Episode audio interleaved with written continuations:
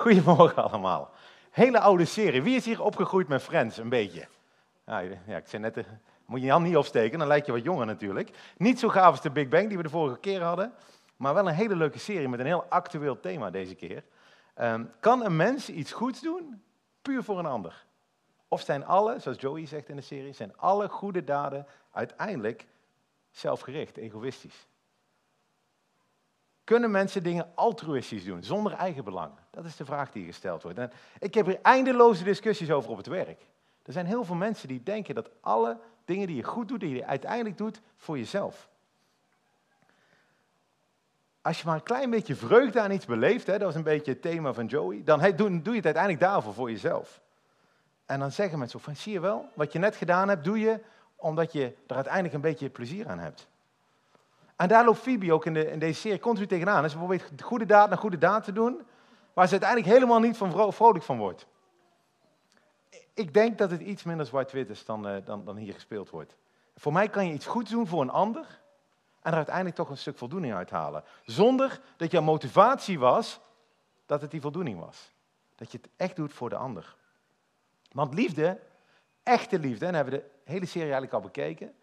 Echte liefde is gericht op de ander. De ander gelukkig maken, niet jezelf. Ten diepste is liefde jezelf opofferen voor een ander. Je, wens, je eigen wensen even aan de kant zetten voor de ander. En daar komen we straks nog verder op terug. Maar dat betekent niet dat als je je, je goede daden doet of als je je dingen doet voor een ander, dat je daar zelf niet voldoening van mag hebben. Dat je daar zelf niet even blij van mag worden. Dat je daar zelf geen vreugde in mag hebben. We gaan vandaag verder met de themaserie waar we al een aantal weken mee bezig zijn. Rondom het vijf talen van de liefde. En uh, de themaserie heet Tot jij mijn liefde voelt. En niet andersom. Niet tot ik jouw liefde voel. En misschien ben je al alle keren hierbij geweest, maar ik weet een aantal van jullie zijn hier voor het eerst. Dus ik wil even kort uitleggen waar we, waar we zijn in deze serie. De meesten van ons weten, als je een vriendschap hebt of een relatie, dat als je continu uit bent op je eigen belang, dat dat niet goed gaat. Dat, je aan, aan wachten bent tot de ander jou gelukkig maakt, dan kan je soms heel lang wachten. Andere mensen maken je niet vanzelfsprekend gelukkig. En dan maakt het helemaal niet uit of het nou een vriendschap is, of een oude-kindrelatie, of, of, of, of, een, of een romantische relatie. Een ander gaat, als je gaat wachten tot de ander jou gelukkig maakt, dan kan je heel erg wachten. En dan zou je denk ik zelfs een heel lastig leven hebben. Maar zelfs als je er wel op gericht bent om de ander gelukkig te maken, dan komt het niet altijd over. Dat betekent niet automatisch dat je relatie dan goed gaat. En dat ontdekte een dokter in Amerika, dokter Gary Chapman. Hij is een, eh, een relatietherapeut, psycholoog uh, uit Amerika. Hij zag dat bij sommige stellen het verlangen er wel was om de ander gelukkig te maken, maar dat het op de een of andere manier niet overkwam. En hij vroeg zich af, hoe kan dat? Hoe kan het? Als, als twee mensen zo hun best doen om elkaar gelukkig te maken, hoe kan het dat de ander niet de liefde voelt? En in zijn boek, De Vijf Liefdestalen, schrijft uh, Dr. Chapman over een liefdestank die wij allemaal hebben. Ik weet niet waar die zit, hè, die in, ergens in ons of zo, maar een liefdestank. En dat ieder mens die heeft. En dat als je liefde geeft, die tank leegloopt. En als je liefde krijgt, dat die weer voller loopt. En als dat netjes in balans is, dan gaat het goed met je. En wat Dr. Chapman ontdekte is dat ieder mens een eigen manier heeft waarop ze liefde geven. En een eigen manier heeft, vaak dezelfde manier, waarop ze liefde ontvangen. En hij noemt dat een liefdestaal. En waarbij de één persoon misschien door een complimentje uh, zijn liefdestank meteen helemaal gevuld is, maakt het voor een ander niet zoveel uit. Is dat een druppeltje in de liefdestank. En als je alleen maar druppeltjes krijgt, terwijl je de hele dag het gevoel hebt dat je aan het geven bent, dan staat uiteindelijk die tank op nul. En dan voel je je niet geliefd. En wordt het ook moeilijker om liefde te geven aan een ander. Soms doe je heel veel moeite zelf om liefde te geven.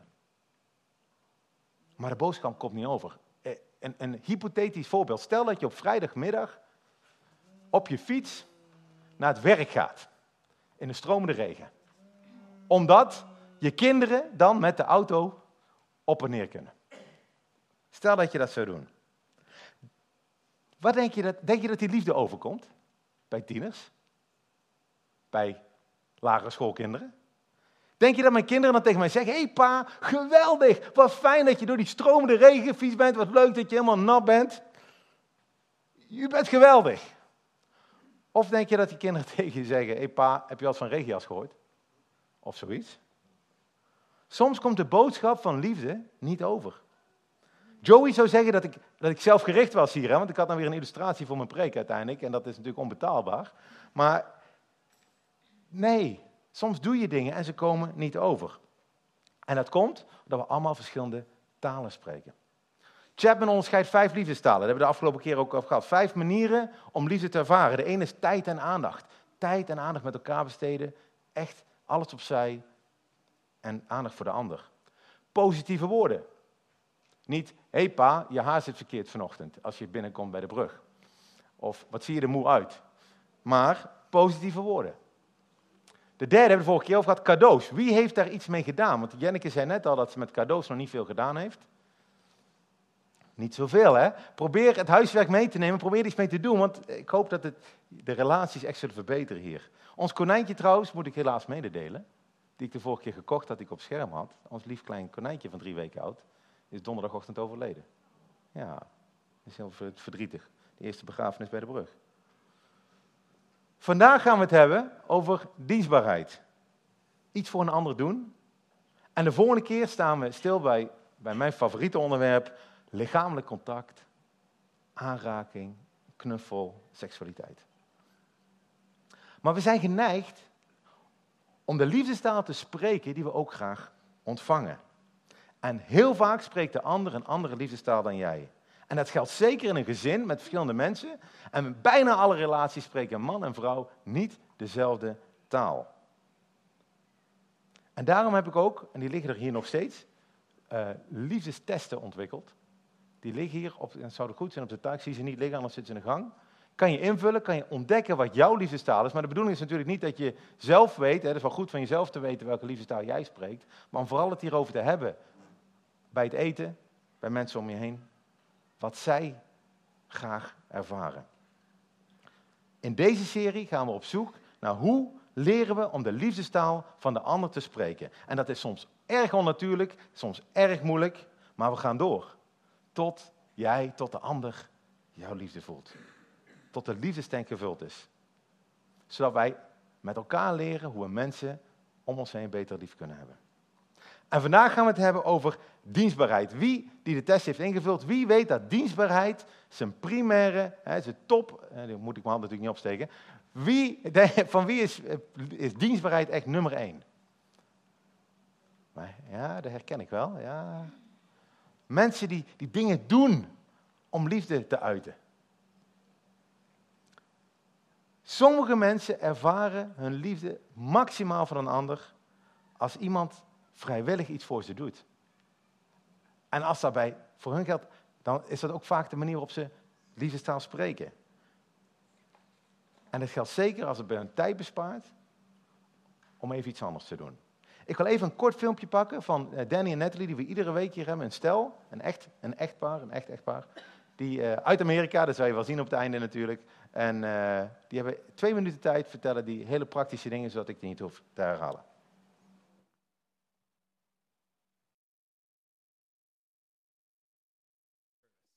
No. Acts of service are actions and tasks that demonstrate our love towards another person. Service actually means being a servant towards someone. It's saying, I'm going to spend intentional time and energy doing stuff for you so that you don't have to.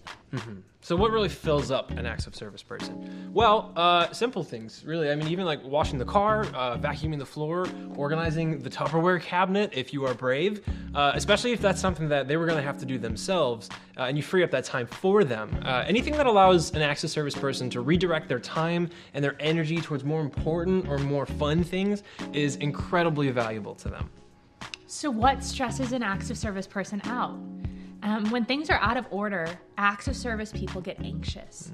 They see how much needs to get done, and their mind gets filled with that, and they can't seem to calm down until everything around them is taken care of. Um, they actually feel unloved and unappreciated when the people that they love and the people around them don't show a desire to help them keep things under control. Yeah, so things like dirty dishes and like a messy desk are like really stressful to them. Yeah. So how do we really love an acts of service person? Well, simply be a servant. Humble yourself, even if it's just for a moment. Serve them and choose to put your time and your energy towards working for the good of somebody else. And offer your service as a free gift, not like no strings attached. And they are going to light up with love and appreciation. Now, if you'll excuse us, we have to go pick up our dry cleaning. Oh, I already did that. Oh my god. Service. You did it.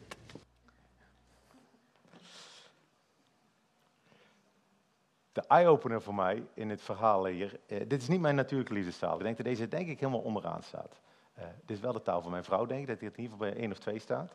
In het algemeen denk ik dat het ik zo meteen niet zo vertellen, man-vrouw. Maar wat, wat voor mij de eye-opener was, is, het is niet alleen dingen doen voor een ander. Het is dingen doen voor de ander, waardoor de ander in één keer wat extra tijd krijgt. Of dingen doen voor de ander die die ander juist heel waardevol vindt. Ik heb al heel gauw de neiging om te denken, ik werk keihard. Ik ben, eh, weet ik wel, 40 uur per week ben ik hard bezig. Eh, brood op tafel eh, zorg ik voor. De rekeningen zijn betaald, de administratie is op orde. Ik, ik doe al veel. Dat is mijn natuurlijke houding. En ik, ik snap niks van dat, dat, dat niemand het lijkt te waarderen in huis dat de administratie op orde is. Dat is superbelangrijk. Dat is echt dat is geweldig. Maar niemand lijkt het te interesseren. En, niemand is geïnteresseerd dat ik door de fiets, door de regen ga, of ze daardoor de auto krijgen. Dat is heel bijzonder. Maar wat ze wel waarderen is als ik een keer plotseling het eten kook. Of, of als ik een keer de, de vaatwasser uitruim. Eh, de was doen, dat zou helemaal eh, geweldig zijn. Daar heb ik geen foto van. Eh, nou, ik weet ook niet hoe dat komt. Ehm, het zijn kleine dingen vaak. Kleine dingen waardoor de ander, en in dit geval vaak mijn vrouw of de kinderen, iets niet hoeven te doen en wat tijd vrij krijgen. Ik heb een kort lijstje met wat ideeën hier opgeschreven. Ehm, het gaat weer om, vraag de ander wat betekenisvol voor ze is. Als, als, eh, als Nicole heeft een hekel aan strijken, of ja, strijken. En ik denk, ja, strijken vind ik helemaal niet zo erg. Beetje strijken, een beetje luisteren, muziekje aan. Als, als dat dingen zijn waar je heel veel punten mee scoort, hè, en waar je de ander echt lief mee hebt, en betekenisvol is, en waar die liefdestank van, van vol loopt, doe het dan. Hier staat eten koken, tafel dekken, afwas doen, daar hebben we allemaal kinderen voor, dus dat scheelt weer. Ontbijt op bed, vaderdag, moederdag. Kast opruimen, vroeg opstaan met de kinderen, zodat de ander kan uitslapen. Ja. Haar uit het putje halen. Het klinkt, het klinkt heel, heel, heel klein of zo, maar voor sommige mensen is het super betekenisvol. De container aan de kliko aan de, aan de weg zetten. Het gras maaien. Een huisdier verzorgen. De kom van de goudvis eh, schoonmaken. Helpen met huiswerk. Bij vrienden een keer meeklussen. Het zijn maar dingen vaak die niet eens zoveel tijd kosten, maar wel die aan de ander laten zien: hé, hey, ik geef om jou en ik vind het je belangrijk. Wat me ook opgevallen is, want ik zat eens terug te denken: hoe komt het dat ik hier niet zo goed in ben? Ehm, is dat mannen in het algemeen in het begin van de relatie hier juist heel goed in zijn. Erg goed. Uh, om het hart van die vrouw te winnen, gaan, mensen, gaan mannen vaak tot het einde van de wereld. Die hebben alles over. Ik zou sterven voor je, hoor ik sommige mannen zeggen, in het begin van de verkering. En vrouwen zijn hier meestal wel gevoelig voor. Maar wat gebeurt er dan? Dit is dan die romantische relatie. Ja, als je dan een paar jaar verder bent, dan is het zelfs lastig om die afstandsbediening even los te laten, om iets uit de koelkast te pakken of om die vaatwasser uit te ruimen. En nog een paar jaar later, klik, kan het nog uh, erger zijn. En dan hoor je soms vrouwen zeggen, jij zou toch voor mij sterven? Wanneer doe je dat nou eens? Weet je, het bijzonder is, iedere man hier, iedere man hier die getrouwd is, die zal, als het erop aankomt, sterven voor zijn vrouw. Daar ben ik heilig van overtuigd. En Jezus zegt, er is geen grotere liefde dan te sterven voor een ander. De daad die het meest gericht is op de ander, die het meest altruïstisch is. Hè? Want wat, wat, wat, wat voor voordeel heb je er zelf bij? Het meest gericht is op de ander, is sterven. Alleen ik denk wij mannen vooral moeten leren om, om ook te sterven aan onszelf, juist in die kleine dingetjes. Als er opgeruimd moet worden, of als kinderen op tijd naar bed gebracht moeten worden, of als die, die luier verschoond moet worden. Ik weet nog heel goed dat dat vanzelf oploste bij mij thuis. Dat ik denk, hé, hey, die luier is weer schoon. En ik had nooit bedacht dat die ook een keer vies was en dat er misschien iets van mij gevraagd werd. Dat is dan ook de, het huiswerk voor de volgende keer, nu al. Vraag aan mensen om je heen, je partner, je kinderen, hoe je ze kan dienen. Je vrienden. Vraag aan een ander, als je in een huwelijksrelatie zit, welke drie dingen kan ik doen? En, en het zal je meevallen, wat ze vragen. Ik, ik was altijd bang om deze vraag te stellen, want ik denk, er komt weer tien uur werk per week uit. Maar het zal wel meevallen. En misschien kan je alle twee dat opschrijven. Ik zou het fijn vinden deze week als, en vul het maar in, als je, als je deze week de vuilnis buiten zet. Als je, als, je, als je de kinderen naar, weet ik wat, pianoles brengt. Als je de kinderen van school afhaalt. Vul maar in. En ik weet ook zeker dat die ander jouw liefde zal ervaren.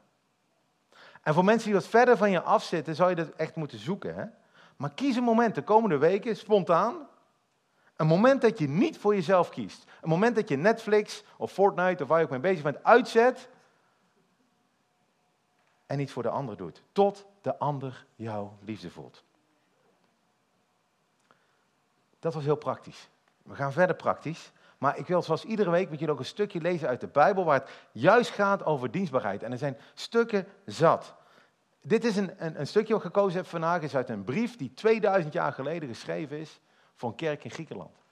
In, uh, in Filippi, in een stad. En, en, en, en een, een, man, Paulus, die had daar die kerk geplant, net zoals de brug hier ooit ontstaan is. En hij schrijft een brief als hij daar een tijdje weg is. En hij schrijft het volgende naar die kerk. Hij zegt, nu u door Christus zozeer bemoedigd wordt en zo liefdevol getroost, en nu er onder u zo'n grote verbondenheid met de geest is en zoveel ontferming en medelijden, maakt mij, maakt mij dan volmaakt gelukkig door eensgezind te zijn. Eén in liefde, één in streven, één van geest. Hij, hij, schrijft een brief naar zijn vrienden en hij roept ze op één in liefde te zijn. En dat is ook een oproep aan ons allemaal. Hè? Een kerk een kerk zoals die van ons zou een liefdevolle kerk moeten zijn. Niet omdat we allemaal zulke liefdevolle mensen zijn. En niet omdat we allemaal zulke geweldige mensen zijn. Maar schrijft Paulus hier. Omdat we door Jezus bemoedigd worden. En liefdevol getroost worden. Omdat God door zijn geest ons liefde geeft. En in ons werkt en door ons werkt.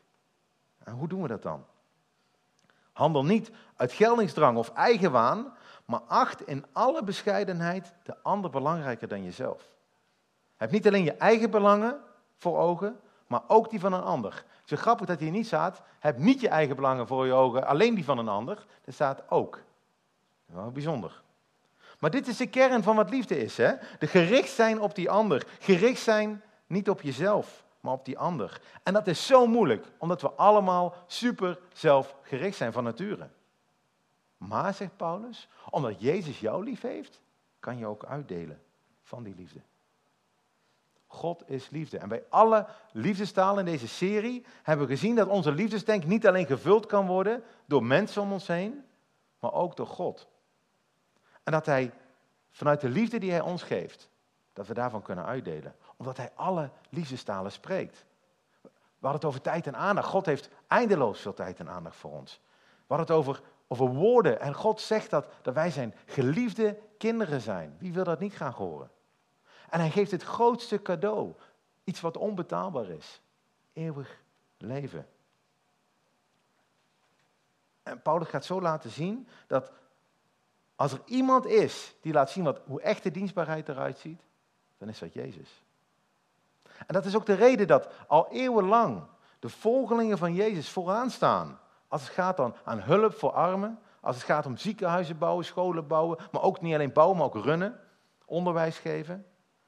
Als er ergens een, ebola-ziekte uitbreekt in Afrika, rennen een hoop mensen weg, maar er rennen ook altijd mensen naartoe. Als je in Afrika een weeshuis tegenkomt, 10 tegen 1, dat het gerund wordt door een volgeling van Jezus. Jezus is ook de reden dat, dat een vrouw als, als moeder Teresa naar Calcutta verhuist om mensen op een menswaardige manier te behandelen. Waarom sommige mensen naar Lesbos gaan om daar vluchtelingen op te vangen die daar aankomen in bootjes. Niet om punten te scoren bij God, maar omdat hun liefdestank door God gevuld wordt en ze daarvan kunnen uitdelen aan de mensen om hen heen. En dat is ook de reden van, van deze serie. De reden van het bestaan van de brug. Voor onszelf, dat we mogen leren. Dat we onze liedjestank kunnen laten vullen door God. En daarvoor kunnen uitdelen aan de mensen om ons heen. Wij, wij zijn enthousiast over Jezus, hè? over wat hij gedaan heeft en wat hij aan het doen is in ons leven. Over de liefde die hij geeft. En dat willen we graag delen met iedereen in Eindhoven. 220.000 mensen. En hoe proberen we dat te doen? Paulus gaat verder. Laat onder u de gezindheid heersen die Christus Jezus had. Een oproep om Jezus te volgen, om hem na te doen. Te zijn zoals hij is. Proberen door zijn ogen te kijken naar de mensen om ons heen. Met liefde, met, met compassie, met ontferming. Jezus, die de gestalte van God had, hield zijn gelijkheid aan God niet vast, maar deed er afstand van. Hij nam de gestalte aan van een slaaf, van een dienaar en werd gelijk aan een mens. Christenen geloven, en wij geloven, dat Jezus God is. Dat hij gelijk aan God is. Maar zoals Paulus hier schrijft, hij heeft zijn gelijkheid aan God heeft hij niet vastgehouden, maar heeft er afstand van gedaan. Hij is, hij is beperkt, hij is mens geworden om ons te dienen. En dienstbaarheid betekent nederig zijn. In het filmpje werd dat ook al gezegd. Dat je niet vast kunt houden aan je gelijk, dat je dienaar mag worden. Slaaf stond erbij. En daar gaat het vaak mis. Zeker bij mij. Want wat is de reden dat ik de troep niet opruim in huis? Omdat ik die troep niet gemaakt heb. Wat is de reden dat ik de, de haren niet uit het putje haal bij de douche? Omdat het lange haren zijn. En die heb ik niet. Waarom ruim ik de tafel niet af op vrijdag? Omdat we een mooi schema op de koelkast hebben hangen. En daar staat mijn naam niet achter op vrijdag. Herken je dat? Maar liefde laat je juist zien aan een ander door iets te doen wat zij hadden moeten doen misschien wel. Iets wat niet op jouw takenlijstje staat. Waar je mag vernederen. Vernederen is misschien waar je nederig mag zijn. En zeggen, ja, ik heb wel gelijk, misschien. Of het was wel niet mijn taak, maar ik doe het toch. En daar kan je de ander zo blij van maken. Jezus heeft zich nederig gemaakt. En als mens verschenen heeft hij zich vernederd en werd gehoorzaam tot in de dood. De dood aan het kruis. Jezus zegt zelf dat hij niet gekomen is om gediend te worden door mensen, maar om zelf te dienen. Hij is nooit zelfgericht geweest. Hij was altijd gericht op de anderen. En, en hij had niet eens alleen de mensen lief die hem lief hadden, maar zelfs de mensen die hem wilden doodmaken, had hij lief.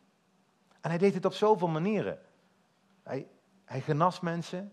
Hij waste stinkende voeten. Kan je je voorstellen, in die tijd, 2000 jaar geleden, mensen op een sandalen rondliepen in een stoffige wereld.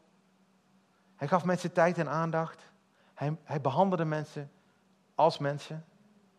En daar was hij zo goed in dat ik, ik nog regelmatig op cursussen kom en, en een boek krijg, een managementboek over dienend leiderschap, want dat is weer een hot topic de afgelopen paar jaar. En wie wordt als voorbeeld gebruikt? Jezus, als dienend leider. En waarom diende hij ons? Omdat hij ons lief heeft. Omdat hij weet dat wij zo zelfgericht zijn, dat we zelfs God aan de kant hebben geschoven. Wij zetten onze, onze, onze schepper, onze, onze vader, God aan de kant, omdat we te druk met onszelf bezig zijn. God staat op de dichtste plaats in ons leven en hij krijgt de kruimeltjes.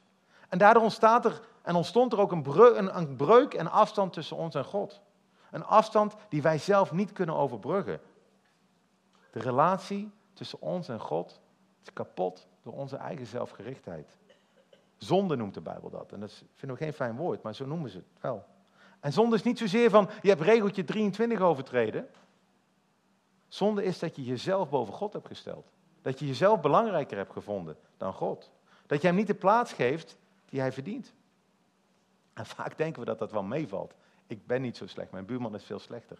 Ik hoor dat van iedereen. Als ik een, als ik een lijstje pak van, uh, zeg maar, wie is de slechtste persoon? Oh, Hitler of zo, wie is de beste, moet het race, waar sta je dan? Mensen staan altijd aan, aan, aan de beste 50 procent. Dat kan niet, wiskundig gezien. Dat kan niet.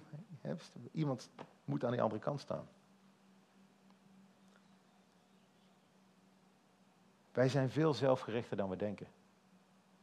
Let daar maar de komende weken op. Let maar op die momenten die je krijgt om een ander te dienen. En hoe, hoe het soms moeilijk is om jezelf weg te cijferen.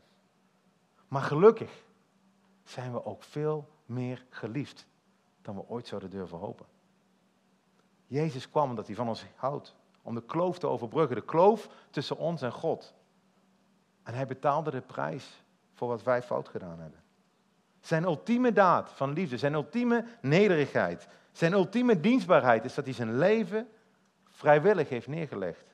Dat hij zich heeft laten vastnagelen aan een kruis. Als God had hij op ieder moment kunnen zeggen, stop ermee. Hij had een woord kunnen spreken en de soldaten waren allemaal omgevallen. Maar hij heeft zich vernederd. Hij heeft zich beperkt. En werd gehoorzaam tot aan de dood. En daardoor kunnen wij met z'n allen bij God komen. Jezus sterft in onze plaats. Een onschuldige, een dienend man, een altruïstisch iemand sterft voor egoïstische, zelfgerichte mensen. Hij krijgt de straf die wij verdienen, maar overwint de dood, zodat wij bij God kunnen komen en kunnen blijven ook, tot een eeuwigheid. Ik hoop voor ons allemaal dat we de liefde van Jezus mogen ontdekken. Mogen ontdekken hoe Hij ons gediend heeft. En dat we niet alleen weten, want soms weten we het wel, hebben we zelfs gehoord, maar dat het af mag zakken tot in ons hart. Dat je het echt ervaart, tot, tot jij zijn liefde voelt. Dat je realiseert dat je ten diepste zelfgericht bent, maar ook ten diepste geliefd bent. En dat je een verlangen mag krijgen om je aangesloten te worden op de bron van leven, op de bron van liefde, op Jezus, die jouw liefdestank kan vullen. Want als God jouw liefdestank vult, dan maakt het het een stuk eenvoudiger om die afstandsbediening neer te leggen en een ander te dienen.